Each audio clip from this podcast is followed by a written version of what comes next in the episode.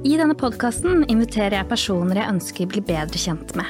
Og noe av målet er at vi skal forstå hverandre bedre, redusere stigma, bringe folk nærmere hverandre og bidra til at de kanskje blir litt mindre dømmende.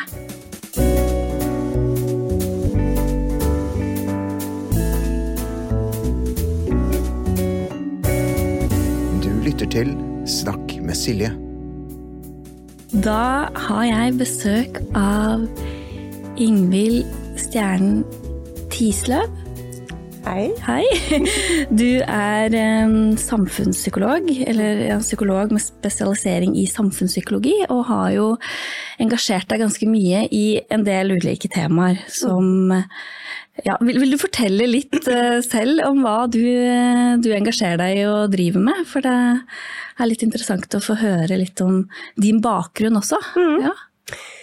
Ja, ja, som du sier, jeg, kan, jeg, er jo lett engasjert. Så, så, det er jo ikke bare én ting jeg har vært opptatt av, men kanskje det som har vært liksom den røde tråden fra jeg var ferdig psykolog i 2011 til i dag, det har jo vært uh, denne sammenhengen mellom Eh, levekår, hvordan, eh, ja, eh, hvordan bosituasjon, inntekt og jobb og utdanning er, og den psykiske helsa vår. Mm. Så det har liksom vært kanskje, ja det har jeg liksom hele tiden vært opptatt av. Og så har jeg hatt noen Så jeg har også vært veldig engasjert i, i barnevern. hvordan sikre at, at man har et barnevern som eh, liksom er tilliten verdig. Det er jo kanskje den viktigste oppgaven vi har her i landet. Um, og uh, særlig da ungdom med alvorlig atferdsproblematikk, som er de, den målgruppa jeg har jobba med ja. i min karriere. Mm. Fordi når du var nyutdanna psykolog, så var det første jobben din? Ja. Å jobbe Ja, det er jo litt heavy. ja, det, det, skal jeg skrive ned på. Det var ganske bratt læringskurve. Um, jeg kom jo ut av et studie som, som uh, hvor vi hadde lært veldig mye sant, om hva som foregår på innsida i hodet. Og, eh, og, egentlig veldig mye fokus på individet, sånn mm. som jeg opplevde det. Um, og så kom jeg ut da i et eh, hjemmebasert hjelpetiltak. Som, da reiste jeg ut som psykolog og møtte familier der de bor. Ja. Og hvordan de lever. Ikke sant? i, i ulike lag av samfunnet. Da. Og så opplevde jeg vel det at jeg hadde ikke så innmari mye i verktøykassa mi.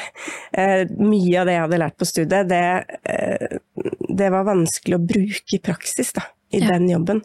Så jeg måtte på en måte inn i en sånn ny læringsprosess. og Heldigvis så hadde vi veldig mye sånn støtte altså rundt oss som terapeuter i det, i det teamet. Det, det, heter multisystemisk terapi, eller MST, da vi har jobba. Mm. Eh, så det var mye opplæring og veiledning der.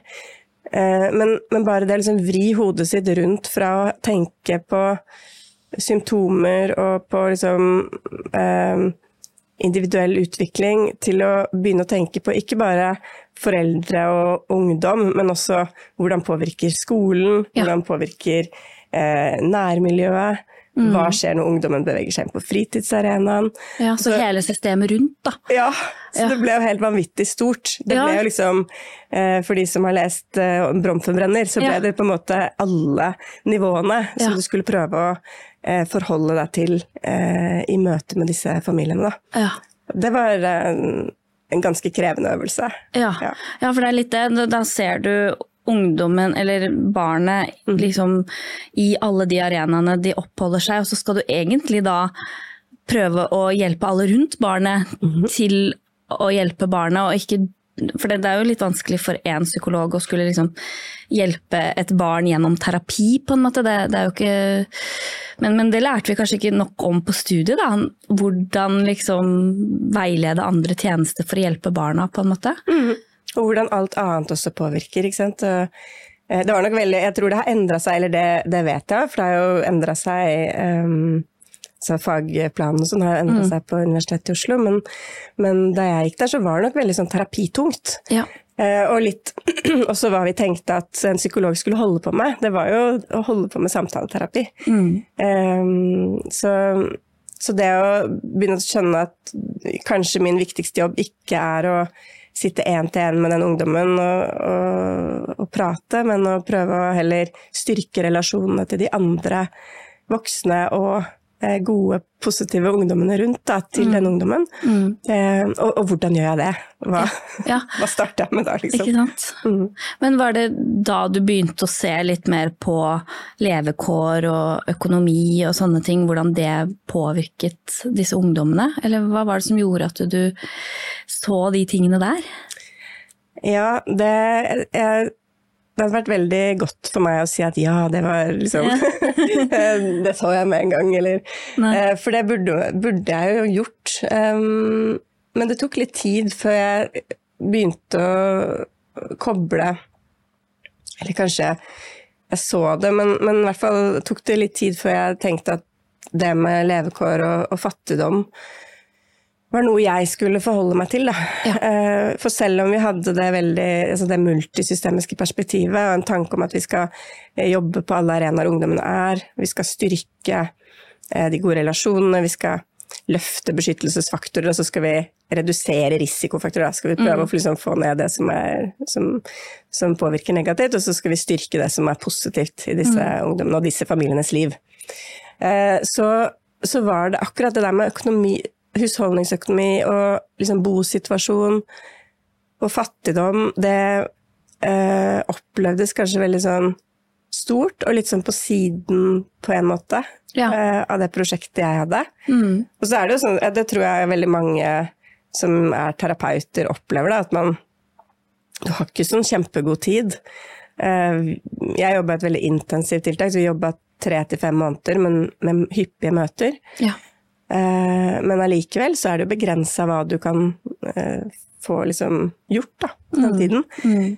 Så, så det ble Jeg tror kanskje at det bare opplevdes som at det, det blir for stort å begynne å ta tak i. Jeg Ja. må jobbe med det jeg kan, og det jeg liksom er vant med, og det vi ja. Ja, så det å hjelpe familien med økonomi og levekårene, det, det ble på en måte Tenker man at det er ikke psykologisk oppgave å drive med, på en måte? Ja, jeg, jeg tenkte nok det. Og, og, så tror jeg også at det tenkte også de familiene. Altså det, var, Ja. det er jo ikke naturlig. Det er jo egentlig ikke naturlig. Vi er jo psykologer og ikke um, ja, sosionomer. For det er jo de som ofte hjelper på med de tingene. Ja. Um, men, men hva var det Men så begynte du å se for- fordi, Hvordan er det sammenhengen da mellom levekår og økonomi når det kommer til psykisk helse? Hva er det man ser sånn, du som har gjort deg noen erfaringer rundt det? Altså der er forskningen er veldig tydelig på at eh, det å eh, vokse opp i, eh, med dårlige levekår, enten det er fordi at familien har veldig dårlig råd, eller man har veldig ustabil bosituasjon, eller, eller familien som er isolert fra resten av samfunnet pga. økonomi, eh, det har en, eh, en stor negativ effekt. Altså det, det øker risikoen for egentlig alt vi ikke ønsker.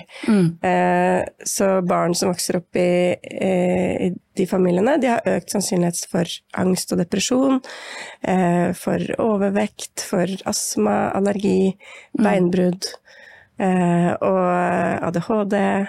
Ja. Um, egentlig, og altså, alle former for psykiske lidelser. Da. Det var et Ja. stort registerstudie i Norge hvor man så på alle, alle barn, Uh, og prevalens, eller hvor mange som ble, fikk psykisk sykdom.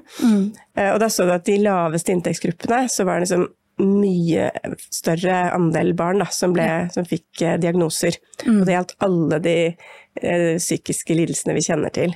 Ja. Eh, Og da var det, det to-tre ganger større sannsynlighet for, for barn å få en psykisk lidelse hvis de vokste opp i lavinntektsfamilier, da. ja, ikke sant. Så, hvis du hadde eh, god økonomi. så en veldig tydelig sammenheng da, Ja. når det kommer til både den fysiske helsa og den psykiske helsa, at økonomien spiller inn veldig. Mm. Og, og akkurat når det kommer til atferdsproblematikk, som var den gruppa jeg jobba med, så er det eh, en sterk liksom altså der, har, der har man også sett at i perioder hvor familiene får god økonomi, så går atferdsproblemene ned, og i, Ja. i perioder hvor de har dårlig økonomi, så øker det igjen.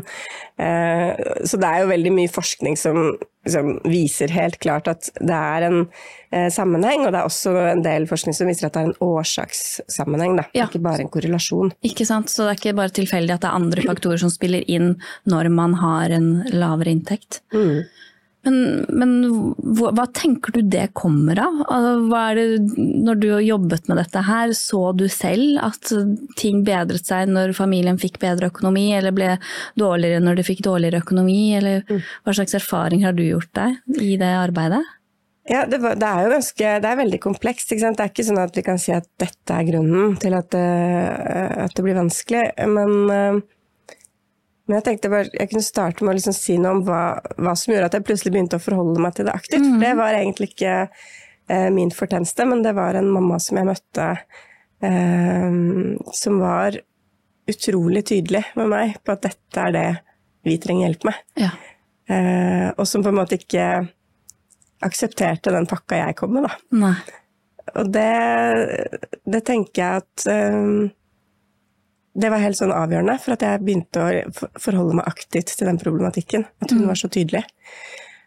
Og jeg har tenkt så mye tilbake på at hvis jeg ikke hadde Hva som hadde skjedd hvis jeg ikke hadde eh, blitt med på det.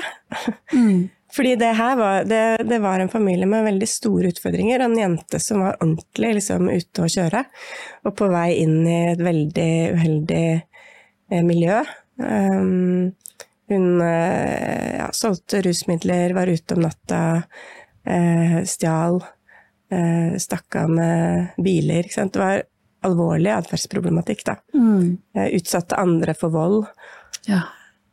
Eh, og når jeg begynte å jobbe med den familien, så var vi egentlig jeg tror det var litt sånn siste skanse, på en måte. Altså hvis ikke det skjer noe nå, så, så blir det institusjonsplassering. Ja. Og da er det sånn for de ungdommene, da er det en akutt, ofte da, kanskje en akutt plassering på en eh, institusjon hvor man møter andre ungdom da, som også har samme problematikk. Mm.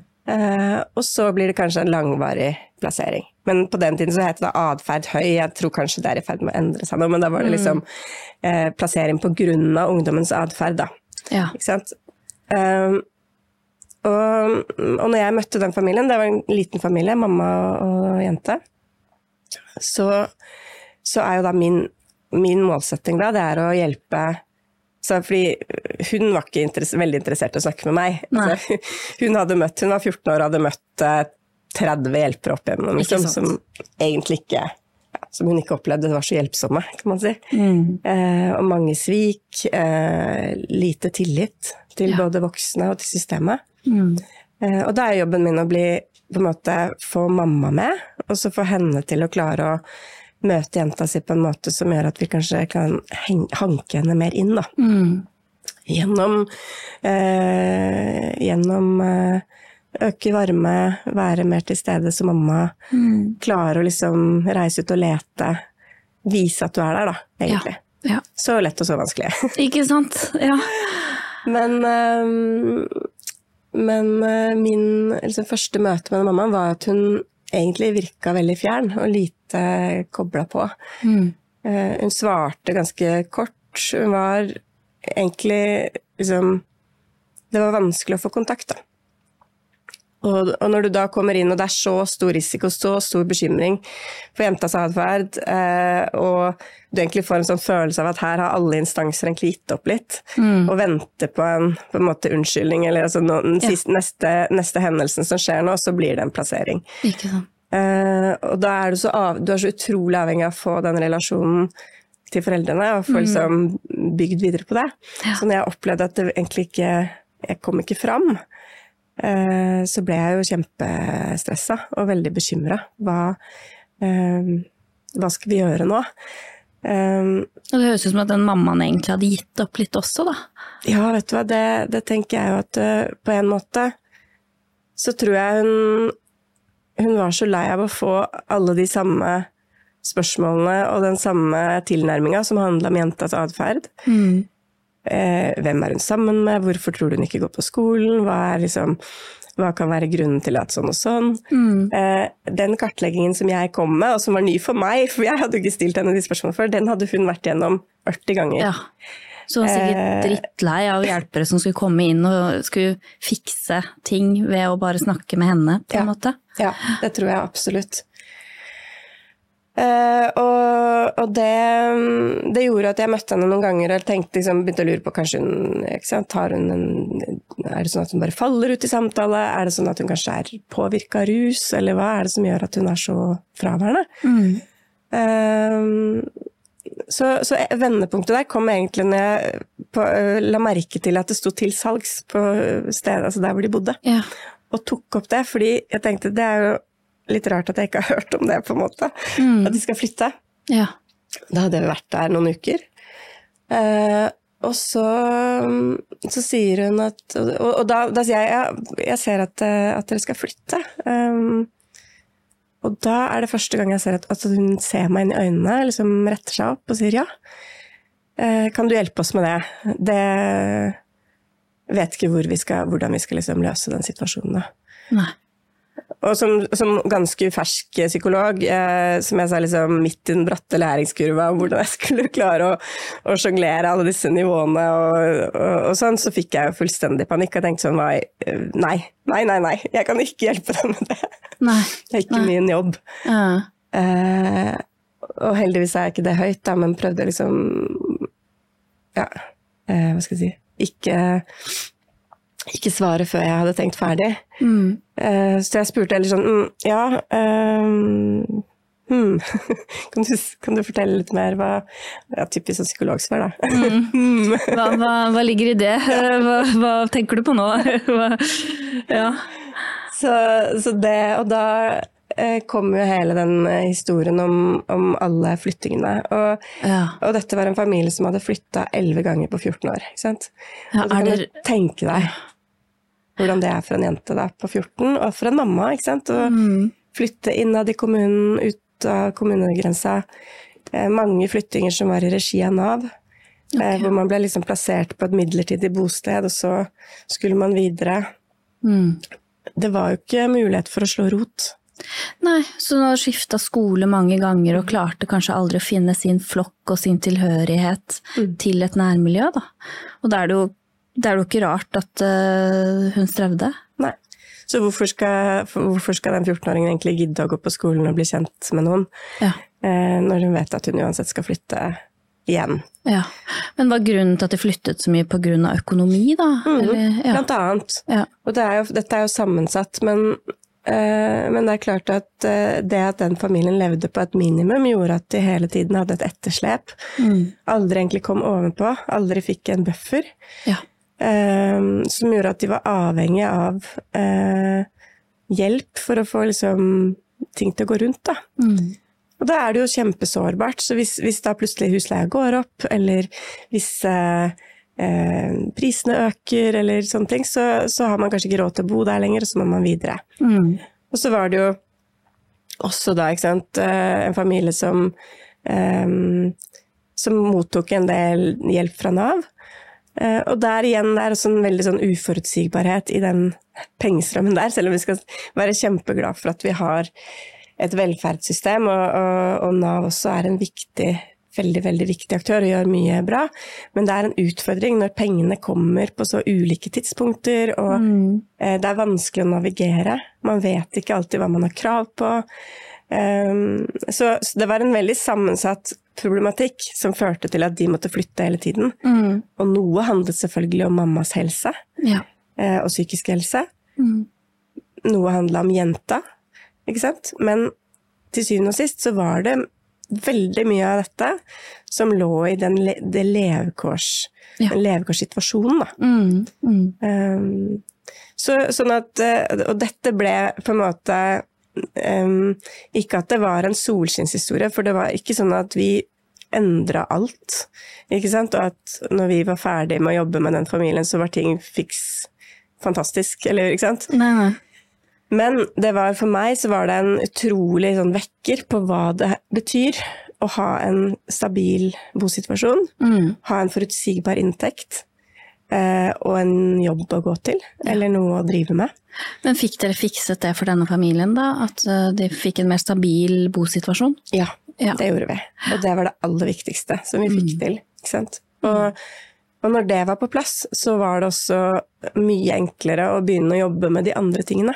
Ikke sant? Da, Ja. jeg, da fikk jeg også tillit. Eh, for da hadde jeg plutselig blitt en av de hjelperne som faktisk eh, gjorde noe som, som den familien ønska seg og hadde behov for, Ja. og, og virkelig trengte. Mm.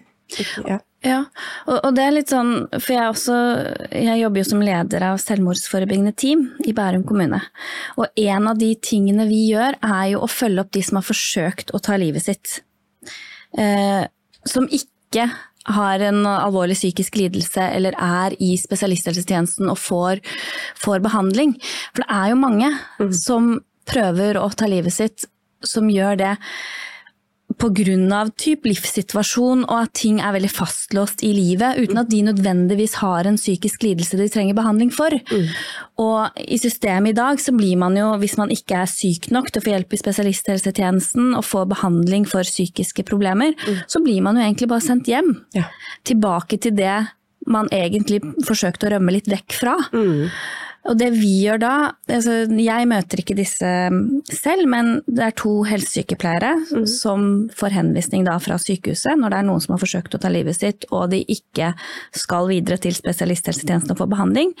Så er de en sånn ombudsperson, støtteperson for disse menneskene. Som mm, kanskje møter de én gang, men ellers har eh, oppfølging på telefon da, for å bedre på livssituasjonen Ja. For å hjelpe de i systemet, navigere. Skal vi snakke med Nav, skal vi snakke med barnevern, skal vi snakke med lavterskel psykisk helse, skulle du hatt noen, eh, en støttekontakt, eller skulle du? Hva er grunnen, er det ensomhet, er det problem med økonomi, skulle vi snakket med en sosionom? Altså, hvor de navigerer litt i systemet, da, for, for det er vanskelig for folk hvor, hvor skal jeg få denne hjelpen, hvem kan hjelpe meg å hjelpe, og, og få endret på min livssituasjon som er fastlåst og vanskelig og vond. Da. Ja, herlighet. Så, fantastisk. eh, Ja, det, det er kjempebra. Eh, og det, det høres ut som at vi burde bli flinkere til å hjelpe folk med disse tingene, hvis vi tenker at det er det som er grunnen til at de strever psykisk også, da. Ja, det, det var i hvert fall etter sant, den erfaringen, så satt jeg og kjente på at når, eh, når det er tydelig at det er der skoen trykker, Ja. at det handler om inntekt eller eh, det handler om eh, bolig eller jobb, eller, så, så ja ja, det er ikke, kanskje ikke det som er typisk psykologoppgave, eller det er ikke kanskje vårt mandat, vi skal jobbe med foreldreveiledning, eller Mm. Men, men eh, nå er jeg her, Ja. og jeg begynner å få en relasjon Ja. Til deg. Da, da er det der vi går, da, tenker Ja, jeg.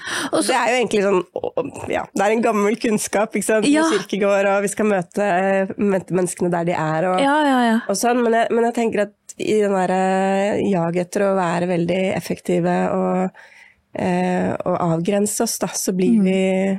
vi kanskje litt for gode til å avgrense oss, eh, og litt for dårlige til å tenke at noen ganger så, så må vi følge altså, Eller vi må følge de vi skal jobbe med. Mm. Ellers så mister vi muligheten til å, til å bygge en allianse. Ja, og, og så er det jo ikke sånn at vi nødvendigvis skal gjøre all den jobben, men bare sette i kontakt med de riktige tjenestene, Ja. og, og være en støtteperson, da. Eh, For de som følger opp de som har forsøkt å ta livet sitt, de er jo helsesykepleiere, mm. og, og skal ikke drive behandling, ikke sant. De skal på en måte hjelpe på alle de andre tingene, og så kan jo da brikkene falle litt på plass, og så får man mer mestring i livet sitt, da. Yes. Og, og kan begynne å jobbe med kanskje ting som er vondt og vanskelig etterpå. Men man kan jo ikke begynne i terapi når, når man ikke har et sted å bo, eller man ikke har en jobb og, og trenger kanskje en jobb for å kjenne at man, man er verdt noe som helst, på en eller annen måte. At man, man har noe mestring og, og kjenner seg eh, betydningsfull på et eller annet vis. Da. Ja, jeg tror, jeg tror det. Eh, Det er ikke noe om at, eh, at man skal heller snakke ned det å gå i behandling, for det tenker jeg er kjempeviktig for mange og i mange situasjoner. Eh, Men at det heller kan være en sånn tanke om at noen ganger så kan det være andre ting som må på plass først. Ja. eh, For at ikke vi skal kaste bort veldig mye tid på å sitte og behandle symptomer. Ja. Eh, og noen ganger så må vi gjøre det samtidig. Eh, og noen ganger så er det, er det behandling som skal til for å komme dit. At man kan gå på et jobbintervju, eller Ja. at man liksom kan få oversikt over økonomien sin. Da. Mm, ja, for vi kan jo hjelpe på mye sånt også, hvis det er litt sånn selvfølelsen som hindrer en, eller sosial angst, eller at man er så deprimert at man så vidt klarer å komme seg på senga, så, så må man kanskje jobbe med eh, hvorfor vedkommende er så deprimert, da, på en Ja. måte. Og jeg tror som du sier at vi skal ikke gjøre alt, og det, det er også veldig viktig. Det fins folk som har mye bedre kompetanse på sosialtjenesteloven og som vet mer om budsjettering, og jeg skal være den første til å skrive under på at økonomi er ikke min sterke side. Så, Ikke min heller. så det er bare Ja. mm, eh, Men, men eh, det å være en støtte i å Altså bare sitte med folk og åpne regninger, da, som var noe av det vi starta med. Det var Mm. Ja. å se på ikke sant? alle de regningene som er pakka bort i en, eh, en pose under senga, eh, og alt som ligger i postkassa og ikke tas inn. Det å få den oversikten, fordi det kan høres så lett ut da, hvis du får beskjed ja, f.eks. fra Nav eller fra banken din at du må ta med den og den dokumentasjonen, så skal vi se på det her. Men problemet er at hvis angsten din bare skyter i været, bare du tenker på å gå inn i nettbanken eller åpne postkassa, eh, så gjør du det ikke. Nei. Og det er der psykologen kommer inn med en spesiell kompetanse. Vi vet noe om hva som skal til for å få ned angstnivå. Eh, og, og den gradvise eksponeringen. Eh, og vi vet at unngåelse bare forsterker angst. Sånn at det å ha en trygg person sammen med deg da, når du skal i gang med de tingene, og det trenger ikke en psykolog å gjøre heller. Vi er- andre som også kan gjøre den jobben.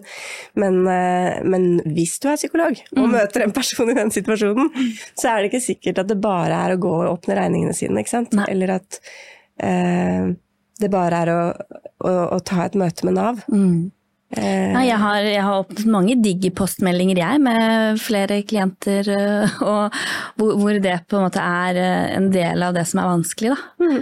Og, det, og det, da, da er det jo en sånn stor takknemlighet der også, for jeg, bare sånn, jeg hadde ikke klart det hvis ikke det var for at du satt her, på en måte, eller at jeg pusha litt på, da, at men kanskje vi bare skal gjøre det med en gang. Altså, litt sånn. Ja, ja. Og det er, ikke, det er jo ikke dumt i det hele tatt.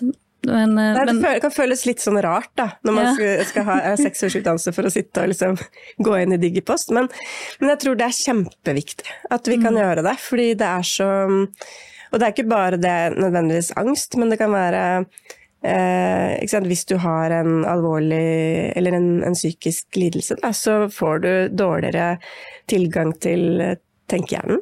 ja. Og det å kunne holde oppmerksomheten, det å kunne planlegge og, og liksom være utholdende i en litt sånn kjedelig og rutineprega oppgave. Mm. Disse tingene er vanskelig. Ja. Eh, komme i gang, Mm. eller unngå impulsen til å bare droppe det. Ikke sant? Ja. Så det å få hjelp til å gjennomføre, tror jeg også det er mye viktigere enn vi tenker på, da. Og når man først åpner det brevet i Digipost, da, så er det jo nesten kryptisk noen ganger, det som står der. Og hvis man da har veldig mye angst og ubehag knytta til å få det brevet, så forstår man jo ikke hva som står der. Nei. Og det er også, altså, til og med jeg kan ha problemer med å forstå noen brev som kommer fra en del offentlige institusjoner. Ja. Fordi det står litt sånn kryptisk noen ganger, eller er litt rart språk Det er ikke innimellom. klarspråk, for å si det sånn. nei, det er ikke sånn hvis, hvis noen forteller deg hva som faktisk står der, så, så bruker man jo gjerne litt andre ord da, enn en det litt mer sånn byråkratiske språket som brukes. Ja, det er veldig kult at du sier, for at akkurat det med å skjønne hva som sendes ut fra Nav og også, faktisk, jeg har sett noen eksempler fra, fra psykisk helsevern på hva slags brev som kan komme, eh, og veldig hardt språk. Veldig sånn, hvis ikke du møter, så mister du eh, behandlingsplassen din, ikke sant? Ja. Og en, jeg tenker at det å, å tenke litt over hva som skjer med mottakeren når de blir utsatt for den formen for kommunikasjon, da, eh, det er en sånn jeg tenker jeg en forpliktelse vi har, da. Eh, og det siste, det siste året så har jeg jobba mye med, eh, med bank, og hvordan bankene kommuniserer med sine kunder. Ja. Og da har vi gått gjennom maler for hvordan, eh, hvordan sender man ut en purring, hva skal stå der. Og veldig mye av det som av det språket der også er jo sånn bransjespråk. Hvor man bruker uttrykk som hovedstol og restanse og bero og ting som ikke sant, eh, jeg ikke visste hva betydde Nei. før jeg begynte å jobbe med bank. Ja. Men som de sitter og tenker som alle vet vel hva det betyr. Ja. Um, og bare det å skjønne at vi bruker et språk som ikke er tilgjengelig for alle. Mm. Og det som skjer med folk da, det er at eh, rullegardina går ned. Hvis de blir utsatt for språk eller ord de ikke skjønner. Ja. Eh, Og så kan angsten gå opp, og så kan man bli enda mer liksom eh, eh, kan være enda mer unngåelse. Da. At du bare dytter det vekk. For dette, for dette skjønner jeg ikke nå, eller dette blir jeg bare skremt av, eller jeg blir irritert, eller eh, Og så får du ikke egentlig motivert folk til å gjøre en endring, da. Eller til å betale regningen sin. Nei, de blir jo helt uh, apatiske. Det går helt i frys, liksom. Ja. For dette her dette blir for mye for meg. Eh, og, ja, for jeg husker jo det da jeg jobbet på DPS, da. Så for det første så stort sett så sendte vi ikke noe sånn gebyr hvis de ikke møtte til time. Fordi vi visste jo hvem vi hadde med å gjøre. Og, og, vi, og da er det mange som bare ikke ville sette opp nye timer, for tenk hvis jeg ikke klarer å møte. Uh, og, og da bare få enda større problemer med økonomien. Fordi det var jo ofte mange som hadde store problemer med økonomi. Jobbet Ja. på en ruspoliklinikk. Ja, ikke sant. Og, og det også å Istedenfor å sende ut et brev, så sendte jeg en SMS Mm. som de kunne svare på når de hadde tid, hvor jeg brukte et språk. 'Hei, du møtte ikke til time i dag. Mm. Um, hvordan går det med deg? Skal vi sette opp en ny', liksom. Så- ja. ja, men det, det er jo noe med noen, noen systemer tilrettelegger ikke for det. For jeg husker det var en avdeling som ikke hadde hver sin mobiltelefon. Hvor de måtte ringe inn til resepsjonen for å si ifra hvis de ikke kunne møte, eller for å prøve å få en ny time. Og da var jo ikke vi så tilgjengelige, men en SMS er jo veldig lett å sende imellom to samtaler. Mens det å skulle ringe noen tilbake, som jeg har fått beskjed fra resepsjonen at uh, har ringt meg, det, det, det skaper en sånn avstand og en sånn bøyg som gjør det vanskeligere for oss å hjelpe, men som også gjør oss mindre tilgjengelig for de som trenger hjelpen. Da. Ja, det er et godt poeng. altså. Det er jo rammene som legger mange av føringene her, ikke sant. Så, og der er det nok der er det et unektelig et potensial i de fleste offentlige og også private instanser. Altså hvordan er det vi legger opp eh, dialogen med dem vi skal jobbe for. Men, men hva er målet i den uh, Når du samarbeider med disse bankene, hva er, hva er liksom din rolle i det? Ja, det, det um, Målet er rett og slett at de som jobber med kunder, altså kunderådgiverne, skal ha en forståelse av, en bevissthet rundt at eh, psykisk sykdom kan ramme alle. Eh, og at folk i en, enten en livskrise eller fordi de har en, eh, en sykdomssituasjon, eh, får ofte et funksjonsfall. Og da trenger de noe annet enn det de trenger når de er funksjons... eh, sånn på topp.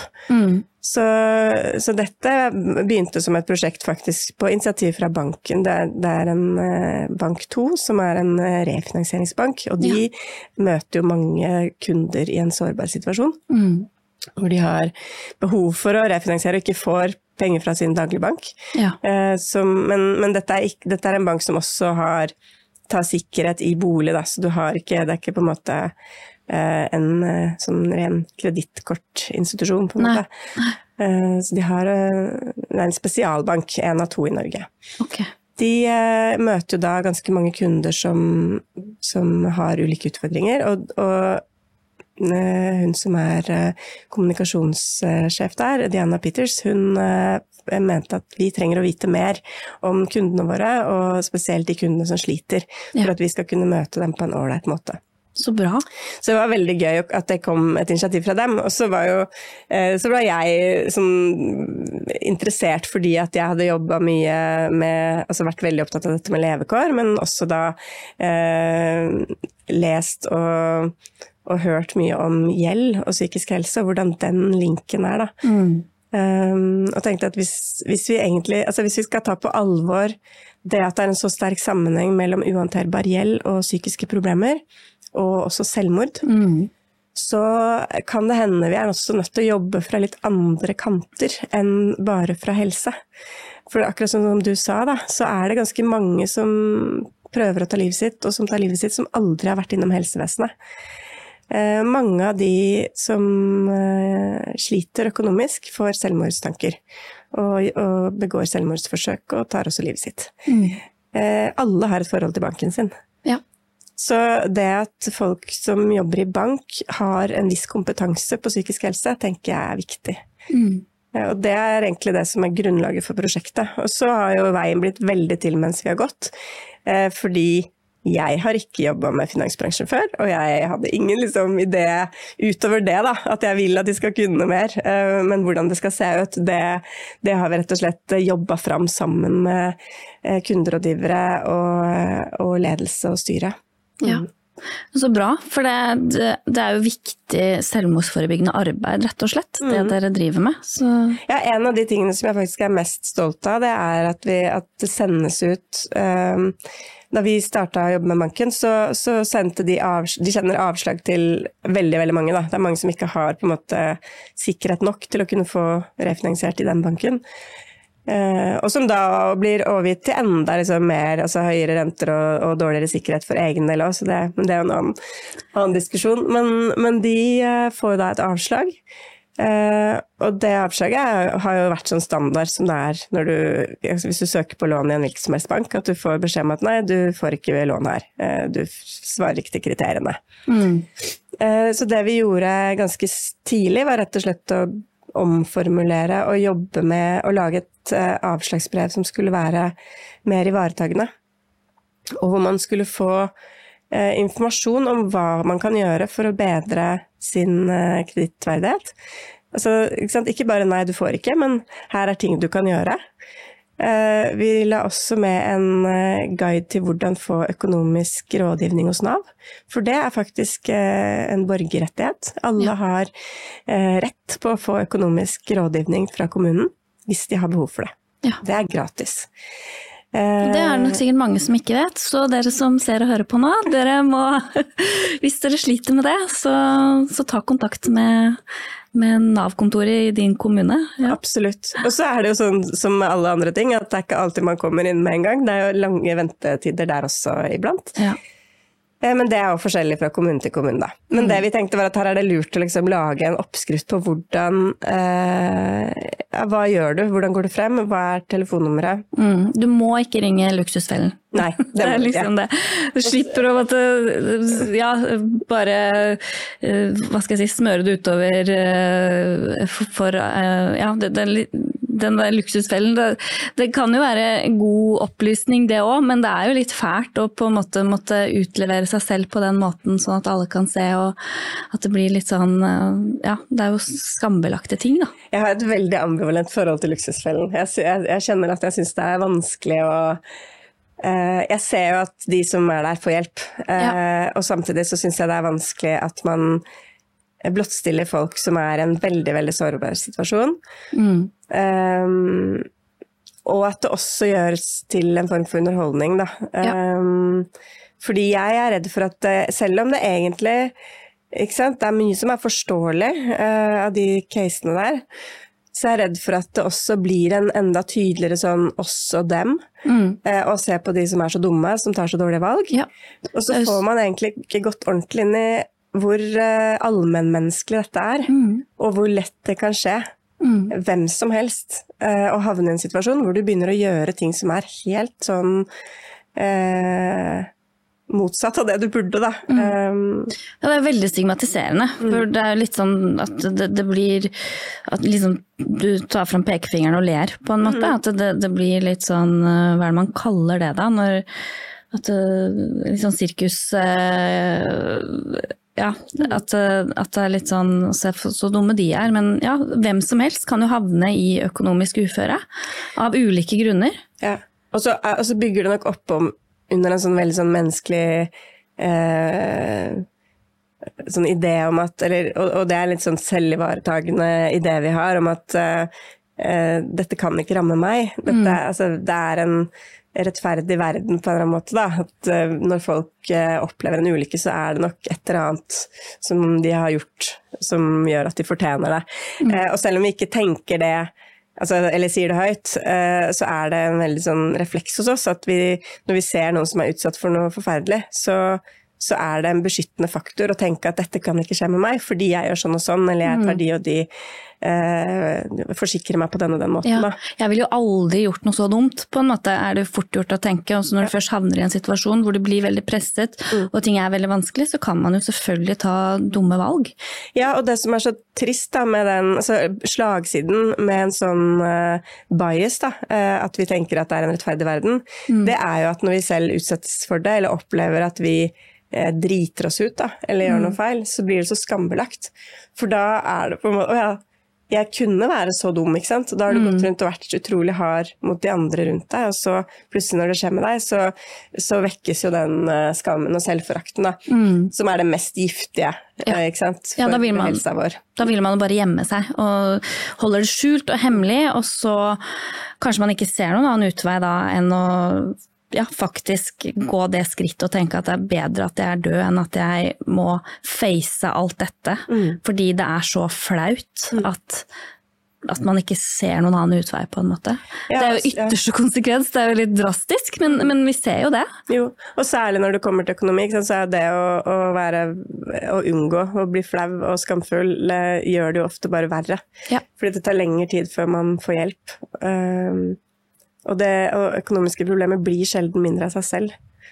Det er nettopp det. Det går jo ikke over ved at du bare uh, prøver å unngå å tenke på det og ikke åpne regningene dine.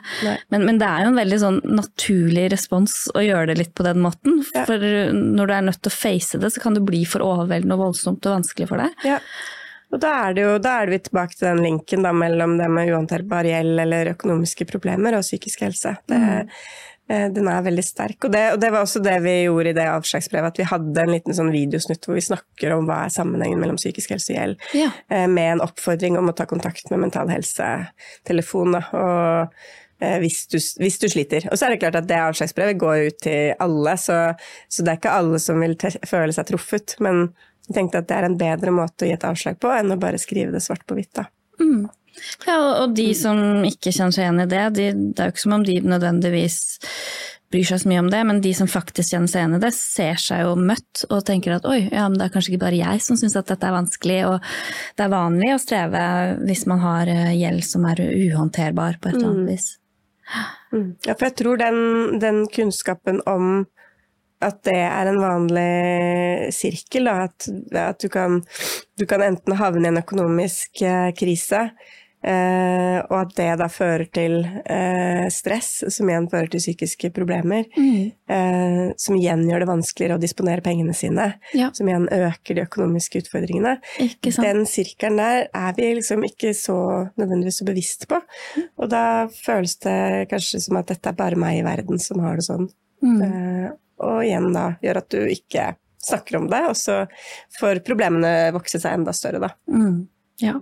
Nei, men så bra at dere da kan informere om disse tingene til de som faktisk sitter i disse problemene.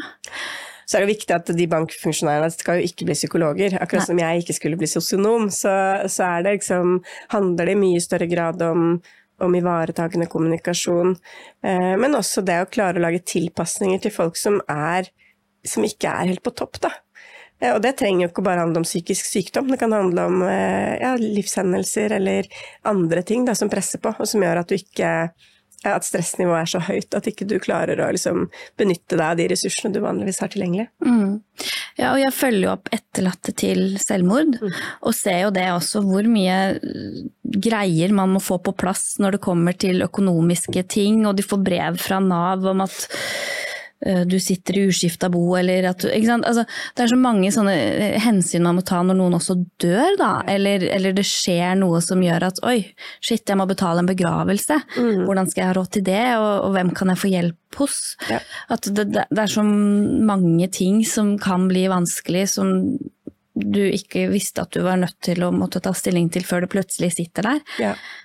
Og når du skal gjøre det, så er du ja, på et sted som, hvor du ikke ja, hvor du egentlig ikke Det er ikke det du har lyst til å fokusere på. Eh, Det er kanskje sorg eller eh, sinne eller eh, redsel, ikke sant. Det er, Mm. Ja, når det er en krise. Ja. Ja. Du er i en akutt krise, og da, da er det vanskelig å ta rasjonelle avgjørelser, og det er vanskelig å, eh, å få oversikt og planlegge og sette seg inn i nye lovverk, ikke sant. Så, Mm.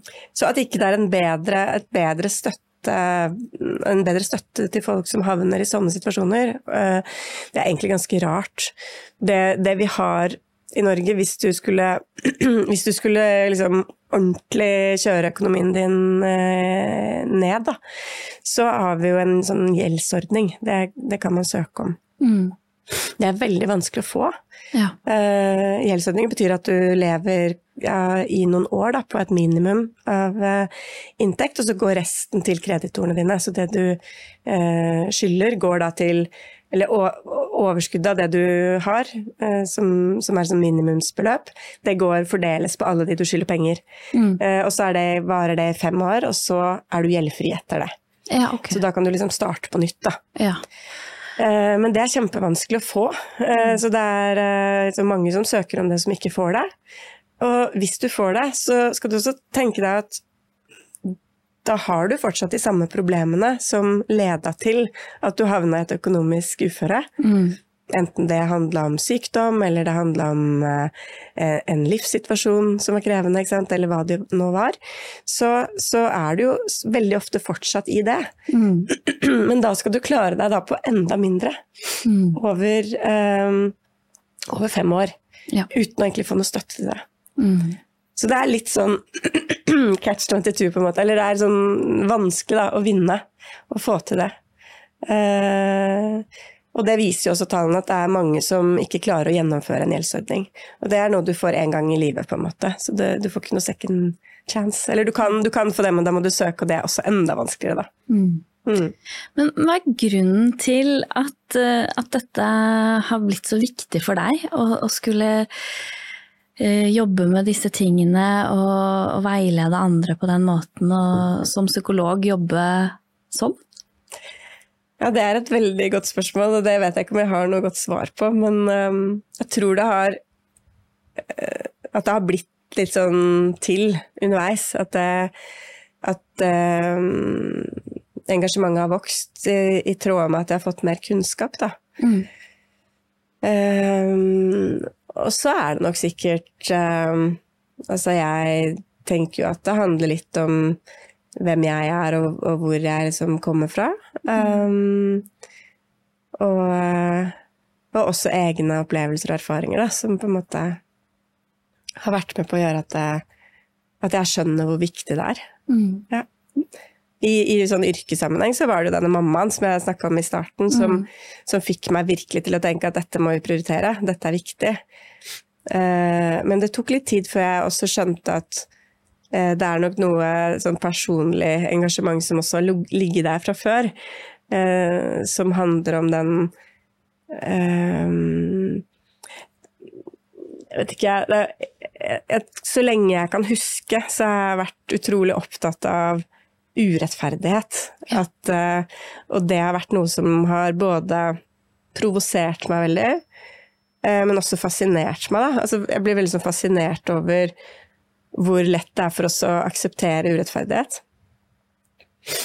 Um, og bala veldig mye med den derre uh, ideen om at hvis det er likt, så er det likt li, Altså um, det, det jeg tror, jeg tror, på en måte det å vokse opp når, Jeg gikk jo på skolen på 80- og 90-tallet, og, um, og, det var jo sånn skikkelig nå er det enhetsskolen, og alle er like, og alle skal inn.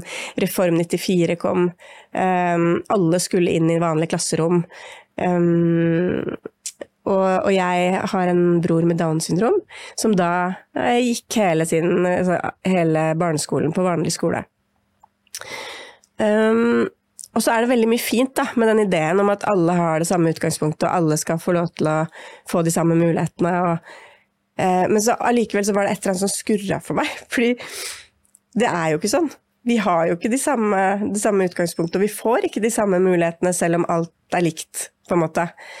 Klasserommet er likt, og læreren er lik, og uh, Men jeg, fikk, jeg skjønte liksom ikke helt hva er det som gjør at dette blir feil, for jeg er jo enig i ideen. Um, så når broren min kom på spesialskole, uh, så fikk han sin første venn. Sant? Og det tenker jeg det sier så mye, da. Da har du gått i, i, i seks år og egentlig bare aldri passa inn. Mm. Selv om det var en veldig fin tanke, uh, så ble det ikke sånn. Og det er ikke fordi at de andre elevene var noe kjipe, eller at uh, læreren ikke var god nok, eller eh, skolen ikke var tilrettelagt. Det er bare fordi at Håkon hadde helt andre eh, behov. Mm. Han skulle lære andre ting, han. Det var ikke viktig at han skulle lære akkurat det som jeg eller søsteren min skulle lære. Nei. Eh, Det var andre ting som skulle, skulle være viktige i livet hans. Og jeg tror den eh, Det er først liksom de siste årene at jeg har tenkt at, ja, men, eh, og, og skjønt da, at dette handler jo ikke om eh, Det er liksom forskjell på det som er eh, så, og likhet og likeverd. Ja. Ikke sant? Fordi likeverd, da tar vi på alvor det at folk faktisk kommer med et ulikt utgangspunkt. Og så prøver vi eh, å tilrettelegge sånn at, sånn at de også får mer like muligheter, da. Ja. Ikke sant? At alle får, får mulighet til å bruke sine ressurser. Eh, og det syndes det mot hele tiden. Og, og, og kanskje at, at det er levekår og fattigdom som har vært min sånn røde tråd, det, det kan nok kanskje være litt mer tilfeldig, men jeg, men jeg tenker at det er så åpenbart, da, åpenlyst, at når vi når vi tenker og handler som om alle barn eh, har det samme utgangspunktet økonomisk, så, så begår vi liksom en skikkelig kardinalsynd, da. da, da for da klarer vi ikke å da klarer vi ikke å skape gode oppvekstvilkår og gode utviklingsmuligheter for de barna. Nei. Vi må forholde oss til at det er ulikt. Og da, og da er det mange, det er så mange både små og store ting som kan gjøres med det. Mm. Og jo lenger jeg har holdt på med dette, jo flere liksom, muligheter ser jeg. Da. Eh, Og mer håp får jeg om at eh, her går det an å virkelig eh, gjøre en forskjell. Men vi må forholde oss til Vi må skjønne at, at, det en, eh, at det er en stor sosial ulikhet i Norge. Eh, At det påvirker, eh, ikke bare for voksne, men også barn. Og at, at for å få bukt med det, så må vi sette inn tiltak på liksom alle nivåer. Og vi må, vi må tørre å, å forskjellsbehandle. Mm. Ja, for folk trenger jo forskjellige ting fordi de har forskjellig utgangspunkt. Yes. Eh, Og det å behandle alle, likt, helt likt, det blir jo ikke riktig.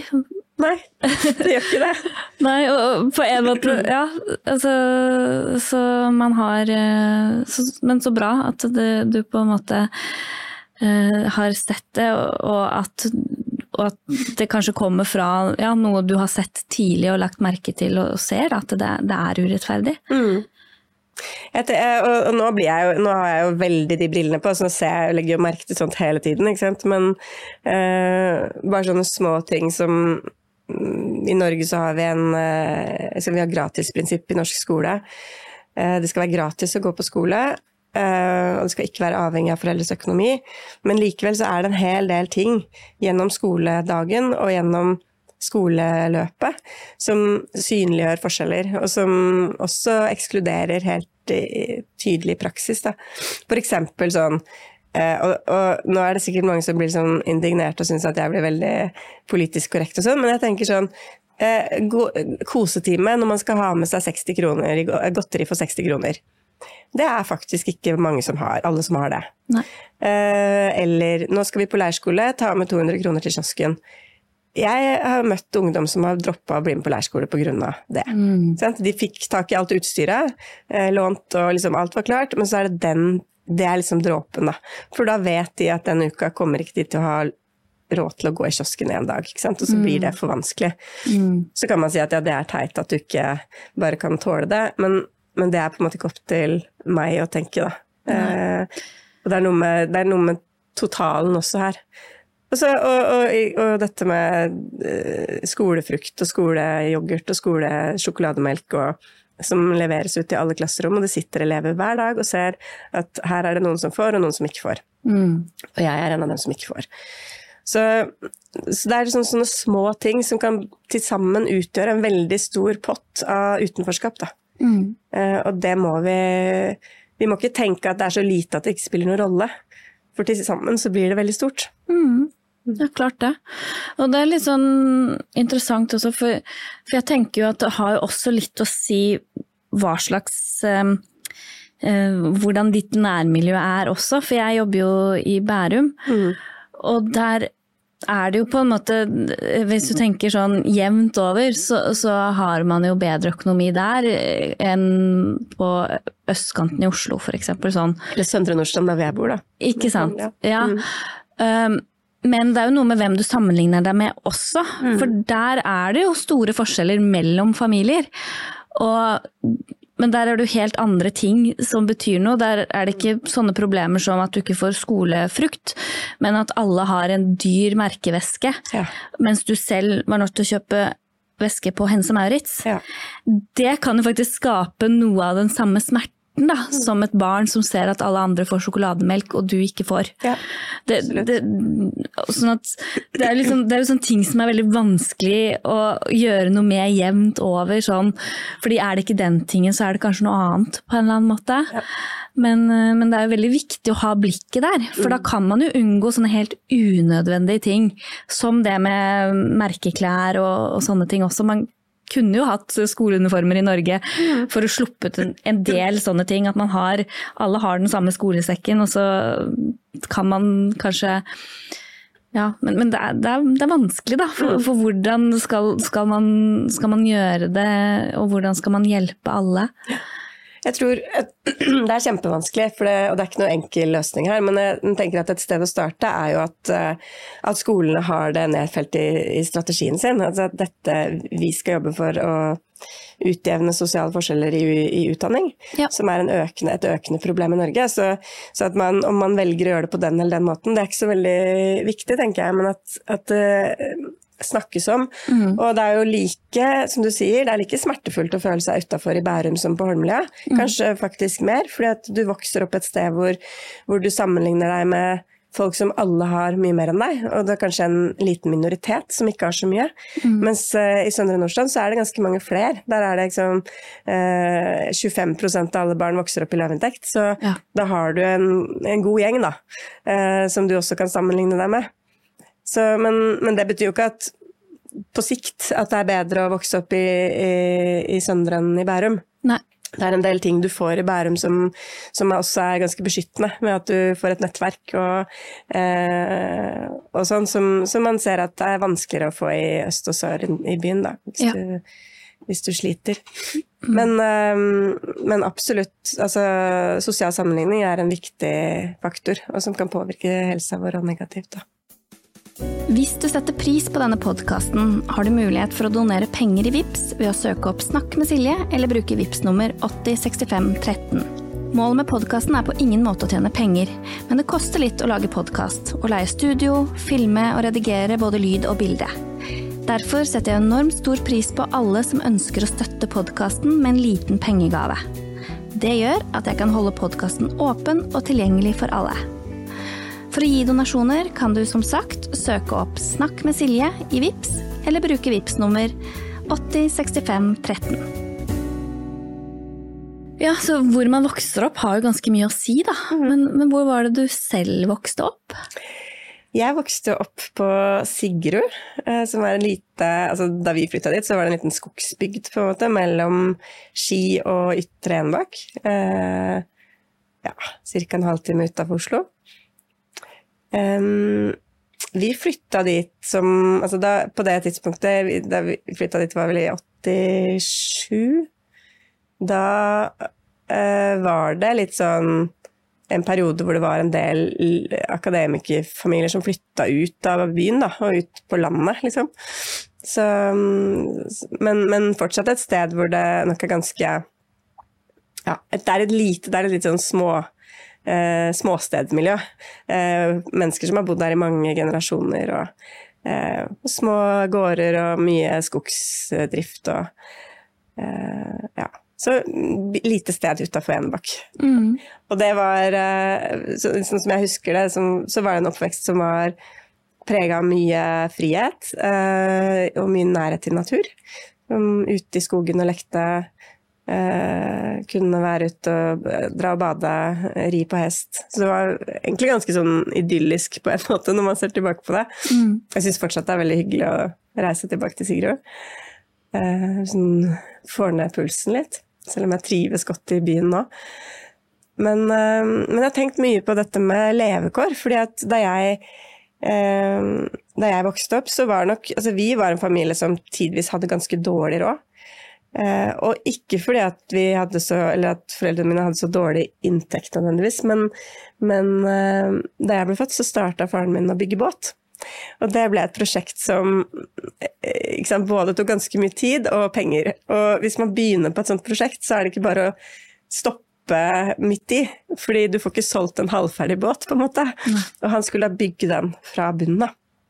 Så det, det, er en stor havseiler, da, som eh, Så det tok vel en 10-12-15 år å bli ordentlig ferdig. Og den er vel egentlig ikke Blir aldri helt ferdig, tror jeg.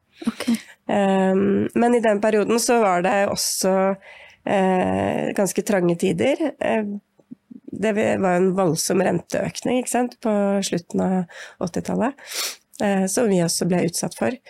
Så jeg kan huske at det var vanskelig Altså at det var trangt økonomisk. Um, jeg fikk aldri liksom merkeklær, eller vi arva stort sett. Um, det var ikke alltid vi hadde råd til å ha ordentlig middag, ikke sant.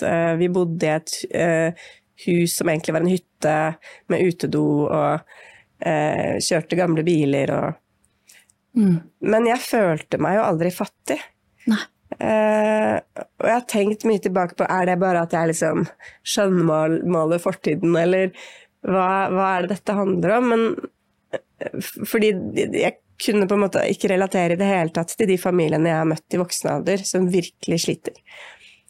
Eh, jeg kan huske at det har vært krangling om økonomi, og at jeg har fått litt sånn angst noen ganger fordi at ikke vi skulle klare å betale hvis vi har vært på ferie og sånn. Så det har vært noen sånne ting, men ikke i nærheten av liksom det presset som jeg har sett hos andre, da. Mm. Men jeg tror kanskje mye at det, at det, koker litt ned til dette her med at det er ulike former for kapital, da. Uh, og at uh, man kan ha ganske lav økonomisk kapital, men likevel så kan man ha høy sosial kapital.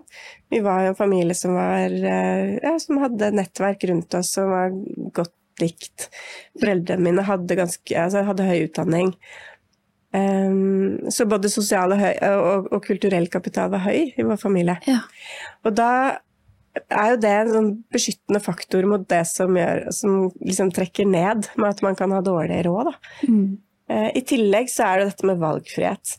Så selv om kanskje ikke alle var like innforstått med hva det betydde å bygge båt, så var mm. det jo et valg og en prioritering som familien tok, mm. uh, og som kunne bli, en del av vårt narrativ. At vi, vi prioriterer dette, vi. Mm. Og, så, og, så, om ti år så kanskje vi kan seile jorda rundt. Ja. Um, så ble det ikke noe jordomseiling, men det ble veldig mange ferier uh, sammen.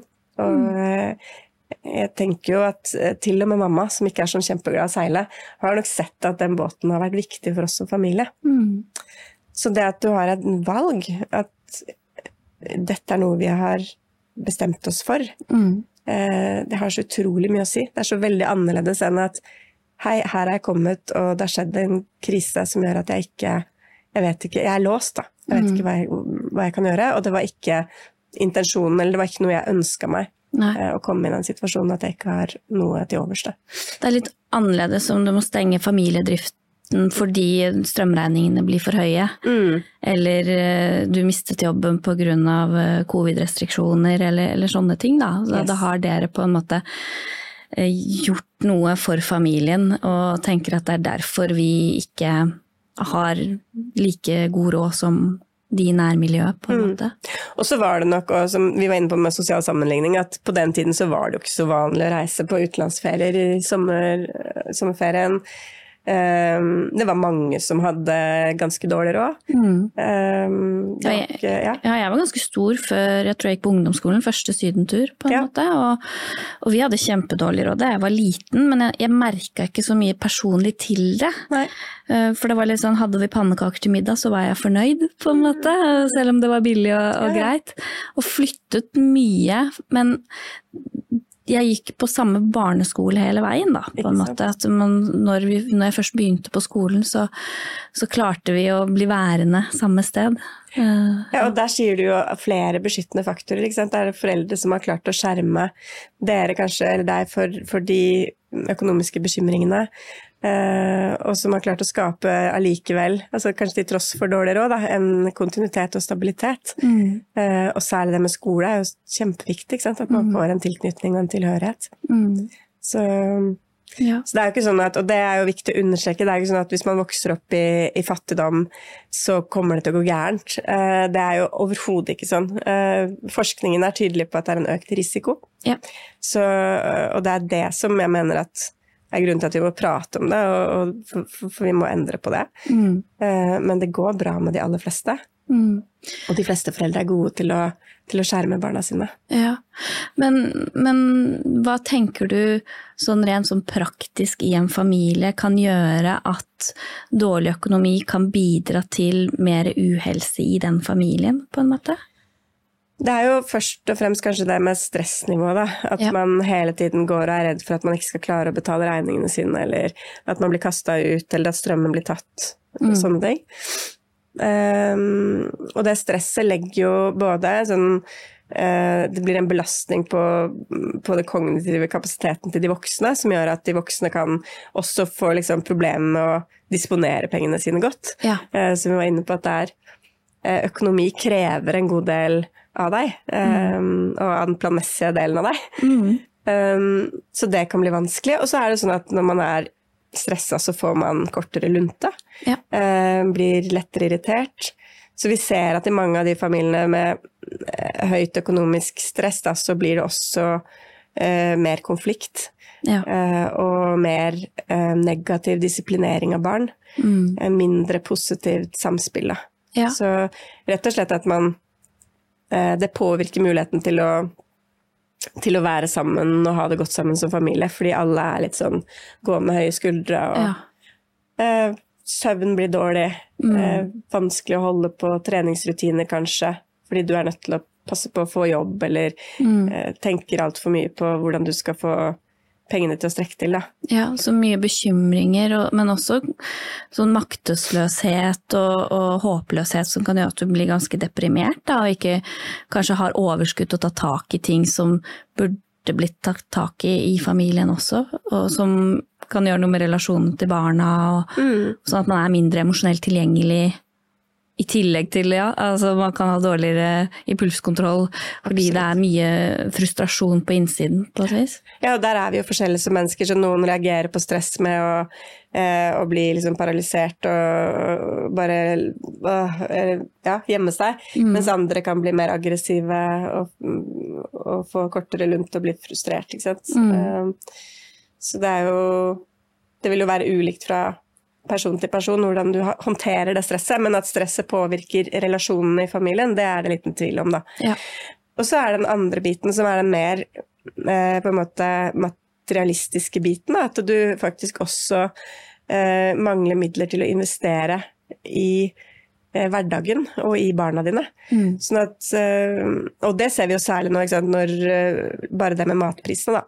Når de eh, går opp med liksom 12 eller 14 prosent, eller hva det er nå, eh, de siste, de siste halvåret, så, så er det jo det å investere i sunn kost. Det påvirker. Um, snakke med barnehagelærere som opplever at barna er sultne i barnehagen. Mm. Har ikke med seg matpakke. Det hjelper ikke å sende ut brev til foreldre om at 'husk matpakke'. Det kommer ikke. Og da, da har du også en eh, avdeling som blir veldig urolig. Det er sultne barn i barnehagen, liksom. Um, dette er jo også sikkert, et, vil jeg tro, et, eh, en utfordring på skolene. I, I Søndre Nordstrand så har vi jo flere skoler som serverer frokost, sant? Som et tiltak. Da. Um, så er det mm, evnen, altså muligheten til å investere i et trygt bosted. Uh, det å ha uh, opplevelser, ferieopplevelser sammen. Så, så man kan si at du har både den effekten av stress som kanskje går mer på relasjoner, og så har du effekten av å kunne investere um, i ting, opplevelser og uh, og um, aktiviteter Ja. som at eh, som kan påvirke liksom den mentale utviklingen og em, ja rett og slett det å å kunne komme seg gjennom skoleløpet og få seg en utdanning og få seg en jobb. Da. Ja, ja og ja, fritidsaktiviteter for barna også koster gjerne litt, så da blir man kanskje holdt utenfor uten å få vært med i skolekorpset eller øh, ridning eller hva, hva, enn som kunne vært gøy for barna å drive med. Akkurat det der tror jeg det er, det er så superviktig. Ikke sant? At øh, vi ser flere og flere som dropper ut av, aktiviteter nå. og det er det noe man skal gjøre, hvis man skulle hatt en ordentlig dugnad for barn og unge, så er det å sikre at alle barn har tilgang på minst én fritidsaktivitet. Eh, fordi det skaper et vanvittig klasseskille.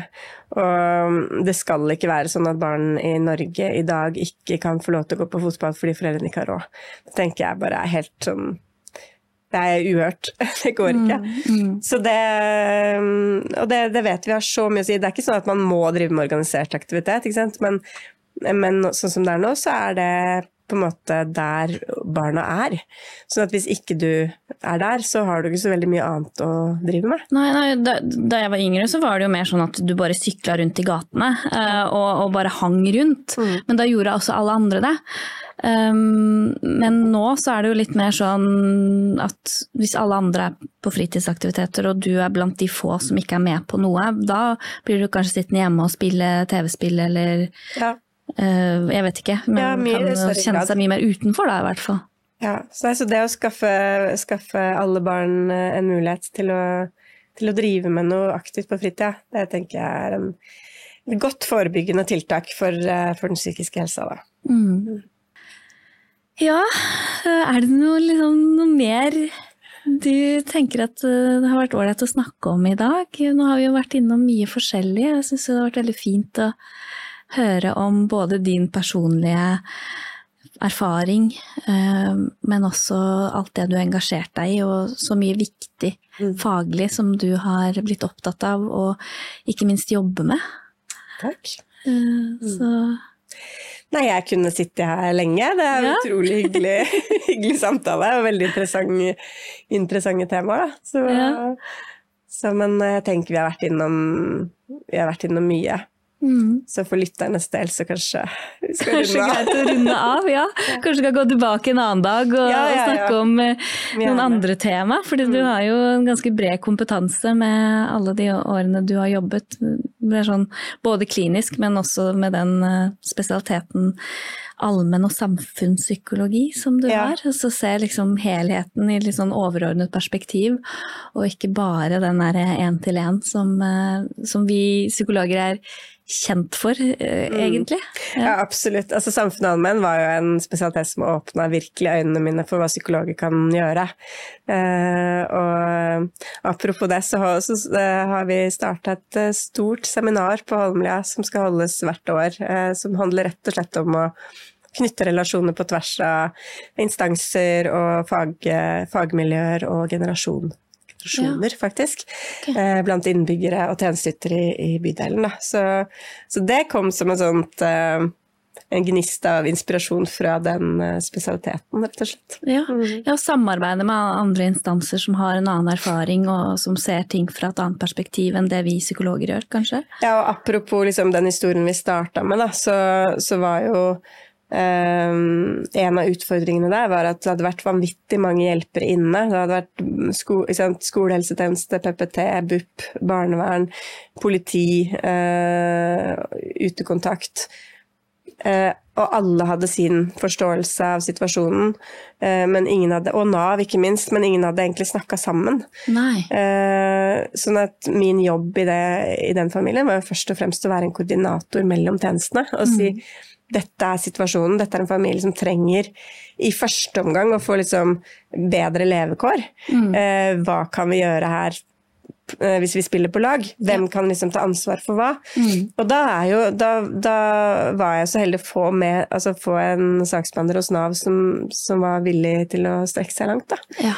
Um, og folk fra eh, DPS og BUP som også var med rundt bordet. Og, liksom, og vi klarte å sy sammen et opplegg for for den mammaen og for den jenta, som endte med at de at de faktisk ble boende, at hun ble boende hjemme, og at uh, hun begynte å gå på skolen igjen. Og det ble veldig mye bedre, da. Uten å si at liksom, alt ble perfekt. Nei, nei. Så, så, ble det et helt annet utgangspunkt ja. for et videre liv. Um, og alternativet der ville jo vært en plassering med all den risikoen vi vet at det innebærer for en uh, ung person. Mm. Og ikke minst å tape relasjonen til mammaen sin, da. Mm. Um, så jeg tenker at, og, og, dette kunne vi ikke gjort uten relasjon. Nei. Uh, så det er det som det veldig lange resonnementet mitt bunner i. At uh, Holmlia-seminaret prøver vi rett og slett å starte med å uh, få tettere relasjoner mellom tjenestenivåene. Mm. og også til innbyggerne. Ja. Fordi vi kan ikke glemme dem heller. Vi sitter veldig mange ganger i sånne møter om folk. Mm. om dem vi egentlig skal hjelpe. Og da tenker jeg at uh, la oss heller prøve å ha de møtene sammen med menneskene som vi er der for. Mm. Jeg tror vi har mye, mye bedre mulighet til å lykkes, da. Hvis vi klarer det. Ja. Da snakker vi også på en annen måte og med en annen respekt. Absolutt. Og det husker jeg jo selv da jeg jobba i en liten kommune med barn og ungdom, at mye av det jeg gjorde, var jo å samle tjenestene. Mm. Sånn at vi kunne snakke sammen, alle sammen. Ja. Liksom, hvor, hvor, både foreldre og, og, ungdommen eller barnet var med. Da, mm. Snakket om hva blir viktig fremover, og hvordan skal vi kunne samarbeide bedre alle sammen for at du skal få det bedre, på en måte. Ja. Så det er så viktig, det må vi ikke glemme, akkurat den biten der. Ne. Men så lurer jeg litt på nå um, For denne jenta strevde jo litt med um, Eller hadde litt problemer med politi, og det var litt sånn rus og sånne ting. Hva tenker du om uh, uh, den ruspolitikken vi har i dag? Har, har, du gjort deg noen sånne refleksjoner rundt den der tanken om avkriminalisering, og hvordan politiet jobber for å, for å hjelpe ungdom uh, til å ja, få bukt med rusproblemer i samfunnet? Da tror jeg du må invitere meg tilbake. Ja, ok. Ja. Litt for stort tema til å gå inn på, men ja. jeg, jeg, kan si veldig kort Det korte svaret er at jeg, at jeg, tenker at vi må bort fra straff, og vi må over på å hjelpe folk. Uh, og det uh, at unge mennesker uh, kriminaliseres på et tidlig tidspunkt, hjelper ingen. Ikke sant? Og det um, så, så, min holdning til det er rett og slett at vi, vi, kan, ikke, vi kan, ikke, drive og straffe unge som, um, som havner i en situasjon hvor de, hvor de, bruker eller misbruker rusmidler som ikke er lovlige. Mm. Uh, vi må finne en måte å, å hjelpe dem på som, som, gir mening for dem. Mm. Og erfaringen fra MST er jo at uh, Rus er ikke noe spesialatferd. Det er, eh, handler om egentlig det samme som alt annet. At eh, det fins ikke så veldig mange andre gode alternativer. Eh, og det handler om det er en form for mestringsstrategi. Og da er jobben vår rett og slett å finne noen bedre mestringsstrategier og noen bedre alternativer. Mm. Eh, og det er fullt mulig. Ja. Mm. Så bra avslutning på en veldig fin samtale. Ja. Bare, det ble bra. Ja, ja. Jeg må bare si tusen takk for at du kunne komme hit i dag. Og håper jo at Jeg vil jo tro at din refleksjon rundt disse tingene kanskje har fått noen av de som hører og ser på, til å tenke litt igjennom ja, hvordan de jobber, og, og ser samfunnet på en litt annen måte. Og se på økonomiske problemer på en litt annen måte enn det de har gjort fram til nå. Det håper jeg. Ja. Takk for at jeg fikk komme. Takk.